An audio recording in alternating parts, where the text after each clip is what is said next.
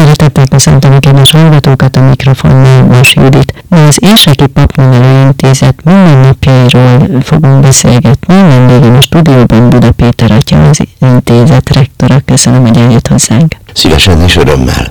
Arra lennék kíváncsi, mert talán sokaknak ismeretlen az intézet élete, hogy milyen bemeneti, illetve kimeneti követelmények vannak. Hogy valaki növendékünk legyen, annak először is egy spirituális lelki alapja kell, hogy legyen, vagyis olyan valaki jelentkezik hozzánk, aki érzi magában a meghívást a papi hivatásra. Hiszen a papnevelő intézet ez kimondottan a papságnak a képzésével, fölkészítésével foglalkozik, persze természetesen szorosan összefonódva a hittudományi főiskolával, hiszen a hittudományi főiskola az, amely adja, mondhatjuk így, a, a tantárgyi képzést. De kanyarodjunk vissza a bejövetelhez, tehát 18 évesnek kell lenni, nagykorúnak, érettségivel rendelkező fiatalembernek, lehet idősebb is természetesen, és ami a lényeges még, hogy a katolikus egyházban legyen megkeresztelve, első áldozó, bérmálkozott kell, hogy legyen az illető. És természetesen ilyenkor hoznia kell magával plébánusi ajánlást is, ami azt jelenti, hogy tartozik valamilyen egyházi közösséghez, tehát nem úgy magában lóg a világban ilyen magánzó keresztényként, mert a kereszténység az kimondottan közösségi vallás, közösségnél, plébáni közösség nélkül nem lehet igazából jelentkezni a szemináriumba. Az intézet 1704 óta működik, és mondhatjuk azt, hogy Eger egyik legrégebbi folyamatosan működő intézményéről van szó. Telekesi István püspök atya alapította a török idő után, amikor ő visszatért ide Egerbe, hiszen a török idők alatt a püspökök kasáról vezették az egyházmegyét. Amikor ő tehát megjelent és látta, hogy az egyházmegyében milyen kevés pap van, akkor alapította ezt az egyházmegyei szemináriumot, amelyet egyébként már az előző püspököknek mondhatjuk így, hogy kötelessége lett volna megalapítani, hiszen 1563-ban a Trentói zsinat elrendelte azt, hogy az egyházmegyékben legyen papnevelő intézet, szeminárium, éppen azért, hogy képzett papok álljanak a híveknek a rendelkezésére. Csak hát nálunk a, a török idők, aztán utána ugye a, a felszabadításnak a háborúi, ezek mind akadályozták azt, hogy ezt a püspökök meg tudják tenni, illetve hát volt olyan püspök a felvidéken, aki ezt már véghez vitte. Kíváncsian megkérdezem, hogy 1704-ben belépett ez a fiatal ember önök vagy intézet kapuján, akkor is ez volt a bemeneti követelmény, most? Alapvetően igen. Alapvetően igen. Annyit hozzá kell tenni, viszont a képzés egészen más volt. Mert hogy akkor nagyon gyorsan volt szükség papokra, és ezért a, a képzés először csak egy éves volt. És utána pedig szépen lassan bővült a korkövetelményének megfelelően, hogy egyre jobban megtalpalt, fölkészült papság kerüljön ki innen, most pedig már meg kell felelnünk azoknak a, az előírásoknak, amelyeket Róma előír a papképzéssel kapcsolatban. Vagyis? Vagyis, hogy a képzés az most már hat éves. Tehát ha megnézzük, hogy akkor egy éves volt, most pedig hat éves, lényeges különbség van a, a kettő között, de hát megváltozott a világ. Tehát abban az időben a jogászokat, orvosokat sem képezték annyi ideig, mint a, a mi korunkban, mert hogy annyira e, gyarapodott az emberiségnek a tudásanyaga, e, a fölmerülő problémák, hogy annak megfelelően egy hosszabb képzésre van szükség. A rendszerváltás előtti időszakban az egri szemináriumban tanuló papság, kispapságnak a létszáma az olyan 30-40 körül volt, tehát ez a 80-as éveknek a, az időszaka. Aztán jött a rendszerváltás, és ennek megfelelően egy, egy eufórikus érzés, nem csak a, a politikában, nem csak az embereknek az érzületében, hogy szabadság van, hanem nagyon sokan jelentkeztek a szemináriumba. Akkor a szemináriumnak a létszáma fölszökött 80-90 főre. Amikor én prefektusként, tehát az egy beosztottabb munkaterület a szemináriumban, dolgoztam, az 96-tól 2002-ig, akkor nagyjából ez a 80-90 fős létszám volt a jellemző, aztán utána hanyatlani kezdett. Nem csak itt Egerben természetesen, hanem mondhatjuk, hogy ez így az egri viszonyok azok többé-kevésbé követik a, az országos számokat, statisztikákat. Rohamosan csökkenni kezdett, és a kispapságnak a létszáma először csak 30 alá, 20 alá, és most pedig jelen pillanatban 8-10 körül van. Talán pont most kellene akkor egy olyan hívószóval az egyháznak jönnie, hogy minél több meg tudja nyerni a szolgálatnak. Nem tudom, hogy ebben van-e változás, hogyan nyitnak esetleg intenzívebben, vagy milyen más módszerekkel a fiatalok felé. Egyrészt az egyház részéről igyekszünk valóban egy pozitív képet fölmutatni a papsággal kapcsolatban, de a, a hívás az nem az egyháztól jön, hanem az Istentől. Tehát azt nem tudjuk befolyásolni. Tehát mi kér, kérjük a, a jó Istent, sokat imádkozunk papi hivatásokért, de ez nem rajtunk múlik. Viszont hogy azok, akiket meghív az Isten, észrevegyék ezt, hogy meghallják a hívószót, no ebben tud az egyház segíteni, és pedig úgy, hogy például a kispapokat, kik éppen vannak, azokat kiküldjük az egyházmegyék közösségébe, hogy egyáltalán az emberek meg a fiatalok találkozhassanak ilyen fiatal emberekkel, akik papságra készülnek, hogy lássák azt, hogy ez nem, nem valami csodabogarak, nem valami különlegesek, hanem egy ugyanolyan, mondhatjuk, hogy húsvér, hétköznapi fiatal emberek, csak ezzel a különlegességgel, hogy ők mondjuk nem házasságra, vagy más hivatásra, orvosnak, vagy, vagy éppen gyári munkásnak készülnek, hanem a, a papságra. Ugyanakkor az iskolák is fontos terület, egyre több a katolikus iskola. Itt az Egri Egyház megyében Ternyák Érsekatya kimondottan sokat tesz azért, hogy minél több iskolát átvegyen az államtól, és kerüljön egyházi fennhatóság alá, és ezekben az iskolákban egyrészt már eleve a nevelés olyan, hogy a vallás az hozzátartozzon az élethez.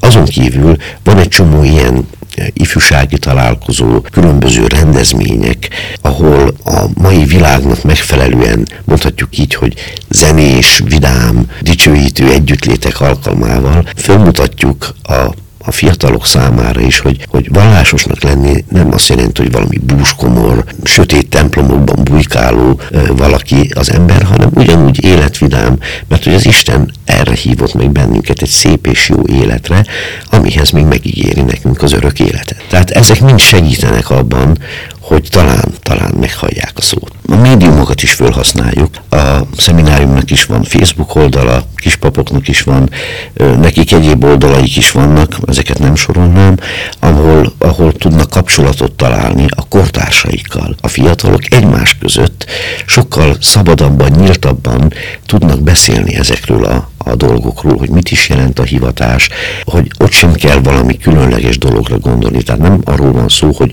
valami éjszakai látomásban, füstben, fényben megjelenik az Isten, és azt mondja, hogy gyere papnak, hanem egyszerűen egy belső késztetés, amelyet külső jelek megerősítenek. Említette, hogy régen, jó régen, 300 évvel ezelőtt egy évet tartott az oktatás, egy éves időtartamú volt, most viszont hat éves. Mi minden tanulnak a növendékek ezelőtt a hat év alatt? Ezt a hat évet el lehet osztani három különböző részre. Az első két év az mondhatjuk így, hogy az alapozó időszak, amikor azokat a tantárgyakat tanulják, amelyekre épül a következő három éves időszak, és az utolsó év az pedig már inkább gyakorlati dolgoknak a, a megismerésével telik, tehát akik odáig eljutottak, azokat már a gyakorlati dolgokba is idézőjelbe beavatjuk.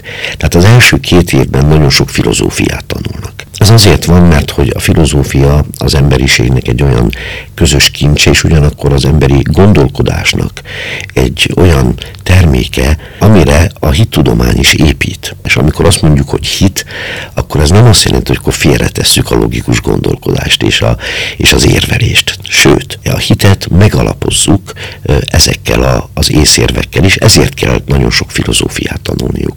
Emellett megtanulják az egyháznak a történelmét, tehát hogy mi történt itt azért az elmúlt 2000 évben, azért, hogy magukénak érezzék, illetve, hogy ne jegyenek meg, hogyha olvassák az evangéliumokat, és látják azt, hogy az apostolok cselekedeteit a Szentírásba, hogy a mai egyház az első ránézésre nagyon különbözik. Tehát eltelt 2000 év, és meg kell nézni, hogy milyen folyamatok zajlottak le, hogy abból a, a Krisztusi közösségből a mostani egyház legyen, ugyanakkor megmutatni, hogy ez mégis ugyanaz a közösség, mint amit Jézus alapított. Emellett biblikus alapismereteket tanulnak, illetve biblikus nyelveket is, tehát latin, görögöt és hébert, ez a gerince.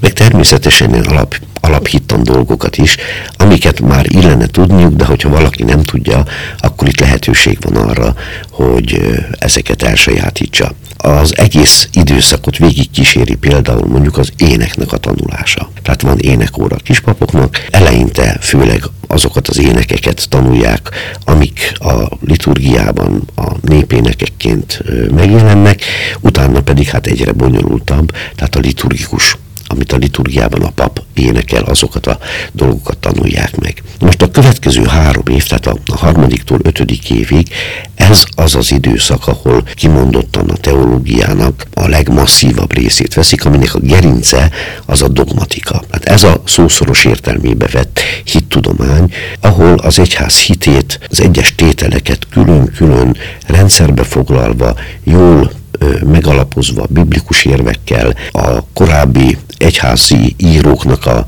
a műveivel egybevetve megtanulják, hogy igazából mit is tanít az egyház, vagy mit vallunk mi a hitünkben. Emellett megtanulják az egyházjogot, mert hogy az egyháznak is van egy jogrendszere, hiszen ahol közösség él, azt valamiképpen szabályozni kell, úgyhogy ez is egy nagyon fontos tevékenység a kispapok számára. Azon kívül tanulnak morálist, tehát erkölcstant, az egyháznak az erkölcsi tanítását is el kell sajátítaniuk. Közben ők maguk is ismerkednek az ókeresztény íróknak a műveivel, tanításaival a patrológia nevezetű tantárgyban. Tanulnak pedagógiát, az azért fontos, mert emberek között lesznek, és nagyon sokan közülük iskolákban is fognak hittant tanítani. Tehát kellene egy bizonyos alappedagógiai ismerettségre szert tenni, tanulnak kateketikát, ami kimondottan azzal foglalkozik, hogy hogyan kell a hittant tanítani, tehát a katekézist tartani, tanulnak szociológiát, tanulnak pasztorálpszichológiát mindenképpen, hiszen erre is szükség van, tanulják a liturgiának a történetét, illetve elkezdik elméletben megtanulni a, a liturgiának, tehát az egyházi szertartásoknak a menetét, és ugyanígy tanulnak lelkiségtörténetet, ami az egyházban megjelenő különböző lelkiségi irányzatoknak az ismerete. Tanulnak ökumenizmust, amikor megismerkednek a többi keresztény felekezetnek a legfőbb tanításaival, illetve hát kicsit ki is tekintenek a kereszténységen kívül, tehát a többi jelentős vallásnak a, az alaptanítását is el kell sajátítaniuk. Az egészet közben át áthatja természetesen egy lelki képzés is, amit elsősorban a szemináriumnak a lelki vezetője, a spirituális végez, és ezeket természetesen mérjük is, tehát a kispapoknak ugyanúgy kell vizsgázniuk a fél évek végén ezekből a tantárgyakból, amire érdemjegyet kapnak. Mi történik az utolsó évben? Az utolsó év, ez már inkább gyakorlati év, tehát eleve azzal kezdődik, hogy az ötödik év után normál körülmények között felszentelik diákonssá. Ugye ez az egyházi rend szentségének az első foka, és ő már elég sok mindent tud végezni egy egyházi közösségbe. Éppen ezért kidobjuk őket plébániára, nem mi az érsekatya, kiteszi őket plébániára, egy tapasztalt pap mellé, és ott egy fél éven keresztül be kell kapcsolódnia az ottani tevékenységbe, és azt, amit ő már végezhet, azokat csinálnia is kell. Tehát például tehát be kell kapcsolódni a hittanórákba, aztán be kell kapcsolódni a liturgikus életbe, ott már a Szent Mise keretében szolgál, evangéliumot olvas, homiliát, prédikációt mond, segít az áldoztatásban, aztán egyéb szertartásokat is végezhet. Jó is, hogyha sor kerül erre, tehát ő már keresztelhet, végezhet temetést, eskedhet, foglalkozhat jegyes párok fölkészítésével, és így tovább. Előfordult már az, hogy valaki annyit morzsolódik le, mert meggondolta magát, Tehát, hogy úgy érzi, hogy telnek az évek, vagy akár a gyakorlat egy év alatt, mégsem ez a hivatása neki való. Az első öt év alatt nyitva a kapu. Tehát az azt jelenti, hogy bármikor elmehet valaki. Tehát nincs semmiféle megkötés. Ha valaki diákonussá szentelnek, az már szentrend, onnantól kezdve már meg van kötve a keze, mert hogy ő onnantól kezdve már nem laikus, hanem klerikusnak számít, és az azt jelenti, hogy akkor már csak nagyon különleges római fölmentéssel, tehát elmenni elmehet, csak fölmentést ez alul a rend alul, mert ez ugye azt jelenti, hogy innentől kezdve már például nem köthet házasságot. Tehát, hogyha ő más életet szeretne, és szabályosan, úgy, hogy közben meg tudja tartani a katolikus hitét, és a hitet gyakorolni is tudja, akkor ahhoz már fölmentést kell kérni a Szentszéktől. Nagyon ritkán előfordul. Az, hogy az első öt évben lemorzsolódnak, az teljesen természetes.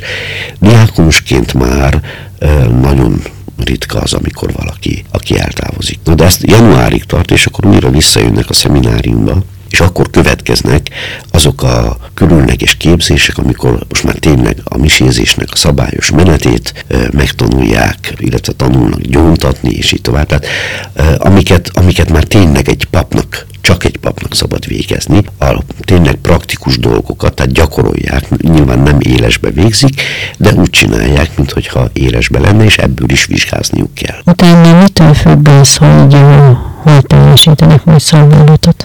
Amikor valakit diákunussá szentelnek. Bocsánat, hogy nagyon naivak a kérdéseim, de most nem kívánuló kérdezek. Nagyon jó kérdés. Tehát ugye itt, mert, mert hogy a munkaerőpiacon általában az szokott történni, hogy az ember körülnéz, hogy hol vannak a legjobb helyek, és akkor oda igyekszik eljutni.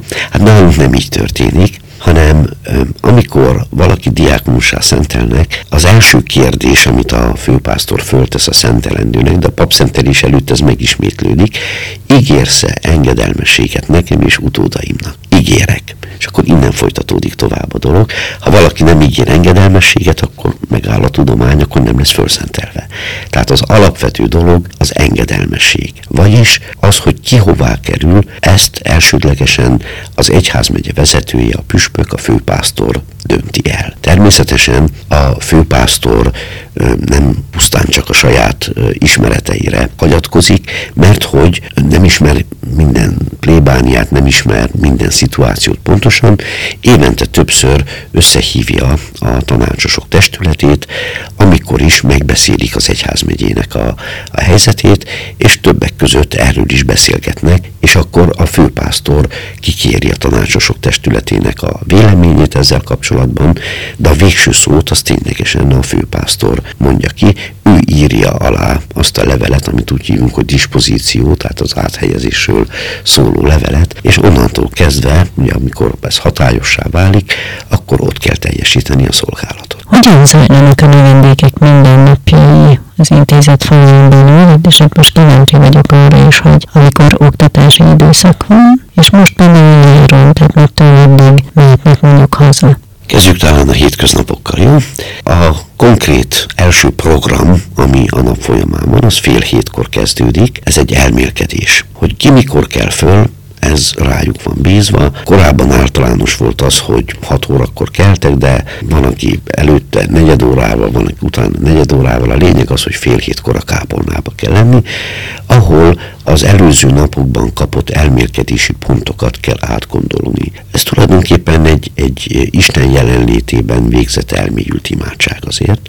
Utána 7 órakor van a Szent ami körülbelül 35-40 perces, utána reggeli, és 8 óra 15 perckor kezdődik az első tanóra. És ez mindig így zajlik, hogy 15-kor kezdődik az óra, eltart egészig, és akkor követ negyed óra szünet, és akkor így megy egész délelőtt egy óráig. Egy órakor egy rövid elmélkedés, kápolnába, utána pedig következik az ebéd. Ebéd után pedig a kispapoknak szabad idő van, ami azt jelenti, hogy el is hagyhatják a, az épületet. Különböző az idő, a, a kisebbeknek általában háromig van, kimenőjük a városba, és onnantól pedig már tanulniuk kell. A nagyobbaknak, azoknak viszont már fél ötig van lehetőségük kint tartózkodni.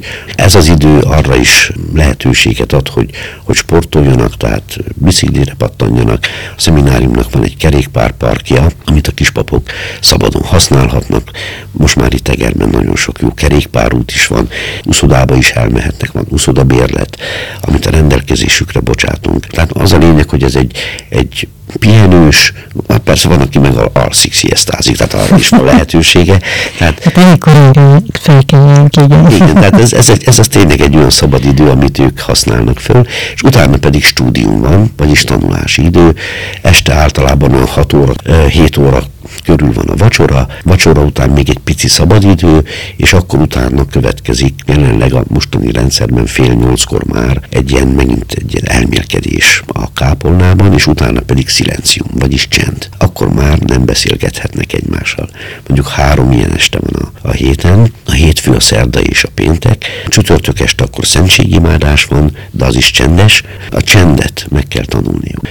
A többi napokon, tehát kedden, szombaton, vasárnap este akkor szabad estéjük van, akkor nézhetnek filmet, de természetesen buzdítjuk őket arra is, hogy ezeket az esté, amikor csendes esték vannak, akkor olvasni azt lehet. Tehát ilyenkor olvassanak lelki irodalmat, vagy akár szép irodalmat is, hiszen nagyon fontos, hogy azt is olvassák a nyelvi fejlődésük szempontjából, tehát hogy tudjanak szépen, jól, választékosan, igényesen beszélni. A mai világban erre talán még jobban oda kell figyelni, hiszen látjuk, hogy egy kicsit ilyen nyelvi elszegényesedés zajlik korunkban. Az előbb elfelejtettem mondani, de a tanrendben ilyen is szerepel. Tehát van ilyen, hogy ars dicendi, tehát a beszéd művészete, illetve homiletika, tehát amikor még gyakorolják, hogy hogyan kell prédikálniuk majd. Hát igen, mert számukra ez, ez a munkaeszköz, ha lehet ezt mondani. A pap az a szó embere. Igen. Nem véletlenül, hiszen erre kaptunk felszólítást Jézustól, hogy hirdessétek az igét. Tehát hirdetnünk kell az evangéliumot. Persze ez sok minden feltételez, tehát nem csak szóval, hanem az egyáltalán a jelenlétünkkel, azzal, hogy vagyunk, tetteinkkel, a gesztusainkkal, a megnyilvánulásainkkal, mindennel hirdetnünk kell az evangéliumot, de a verbális, tehát a szóbeli ige hirdetés az elengedhetetlen. Minden hétvégén hazamehetnek a vendégek? Nem, nem. Hazautazás az csak néhányszor van egy évben, tehát csak szünetek vannak. Ezt sem tudtam. Hétvégén, hétvégén az mindig itt tartózkodnak, illetve akkor vannak azok a programok, hogy például kiküldjük őket plébániákra, akkor lehetséges az, hogy, hogy mondjuk egy szombati napon elmennek évfolyam kirándulásra, vagy egyházmegyés kirándulásra. A vasárnap pedig, főleg ilyenkor a tavasz időben azzal telnek, hogy a bérmáló főpásztor, illetve az általa megbízott bérmáló helynököket kísérik a bérnakorútakon segítkezni, illetve megint csak az, hogy megmutatni magukat az egyházközségeknek, illetve hát ez is tanulmányi út is, mert meg kell tanulniuk azt is, hogy egy bérmálás az azért egy, ez egy komplex dolog. Tehát, hogy mennyi minden elő kell készíteni ahhoz, hogy az, az szépen és flottul menjen, és akkor ezeket látniuk kell. Hogy a bérmálás az ritkán van. Tehát egy szentmisét azt sokszor sokfelé látnak, mert ugye szinte minden nap, hát amikor csak teheti az ember, minden nap megy szentmisére, de bérmálás az, az ritkán van. Tehát maradjunk abban, hogy a kispapok azok a hétvégeket is itt töltik, vagy pedig mondhatjuk így, hogy irányítottan töltik, de nem hazamennek. Néhány szünet van, tehát minden szentek környékén van néhány napos szünet, aztán karácsonykor mehetnek haza, de úgy, hogy a karácsonyt azt még itt kell ünnepelniük a főpásztorral. Tehát az éjféli misén, illetve a, a karácsony napi ünnepi misén még itt kell lenni, és akkor utána ünnepi ebéd, és ebéd után mehetnek haza, tehát 25-én. Ez is azért van, hogy megtanulják azt, hogy a pap számára a későbbiekben is az elsődleges sem fontos az a saját közössége. Tehát ő nem mehet haza a családjához ünnepelni a karácsonyt, hanem elő, neki a saját közösségével, a plébániájával kell együtt lennie, és amikor ott már úgy lecsengenek az ünnepek, akkor mehet haza a családjához. Tehát karácsonykor mehetnek haza, január másodikán kell visszajönni, mert hogy január az vizsgaidőszak. A vizsgaidőszak végén megint kapnak egy hét szünetet. A következő szünet, az a húsvéti szünet, ugyanolyan módszerrel, mint a karácsony, utána már a, a nyári vakáció következik, de ez nem azt jelenti, hogy akkor nyáron semmi dolguk ne lenne, mert hogy van azért néhány feladat, amit ilyenkor is teljesíteni kell. Tehát egyrészt részt kell venniük az Egerszalók ifjúsági találkozón. A másik pedig, hogy minden évfolyamnak van egy speciális feladata, ami általában megint egy hetes elfoglaltságot jelent, tehát van olyan, akiknek kórházba kell menniük, és kórházpastorációt gyakorlatban végezni. Ez általában a miénk számára itt történik. Egerben itt van kórház, lelkész az Árvai Zoltán atya, az Egerszalóki plébános, olyankor csatlakoznak hozzá, és szépen mennek vele minden nap a kórházba, nézik, hogy hogyan látja el a betegeket hogyan beszélget velük, a gyóntatás kivételével a többi az nyilvános, és akkor ők is látják, hogy hogyan kell a betegekkel foglalkozni, hiszen ez egy fontos dolog. Az egyház számára, a betegek azok kincsek, pontosan a szenvedésük révén, ugye sokkal közelebb vannak Krisztushoz, bennük Krisztust kell látnunk. Aztán van, amikor családtáborba kell nekik elmenniük, van, amikor cigánypastorációs táborba kell elmenniük, ugye egy sajátos rétegpastoráció, az egyház megyénk területén a cigányságnak a létszám száma az elég jelentős, és amellett pedig be kell kapcsolódniuk a saját egyházközségükbe otthon. Akkor igencsak intenzív és aktív és nagyon tartalmas életük van a növendékeknek, nem csak reggeltől estig, hanem az egész tanév, illetve az egész év során. Önnek hogy telik majd a szabad időre van-e valami terv? Igen, határozott terveink vannak. Egyrészt nyilván majd én is a, a, a családomhoz, illetve hát ugye most már a nővéremékhez fogok majd gyakrabban eljutni, illetve nekünk van egy papi csapatunk, akikkel úgy együtt szoktunk nyaralni év, nem is tudom, hogy hány év óta, szerintem már egy húsz éve, megszoktuk azt, hogy együtt megyünk kikapcsolódni, és a mediterránumot szeretjük. Ó, ezt meg is tudom érteni. A mediterránumot szeretjük, tehát voltunk már többször Olaszországba, Horvátországot nagyon szeretjük, már csak azért is, mert közel van, Isztria is gyönyörű, és ezt mindig összekapcsoljuk természetesen kulturális dolgokkal is.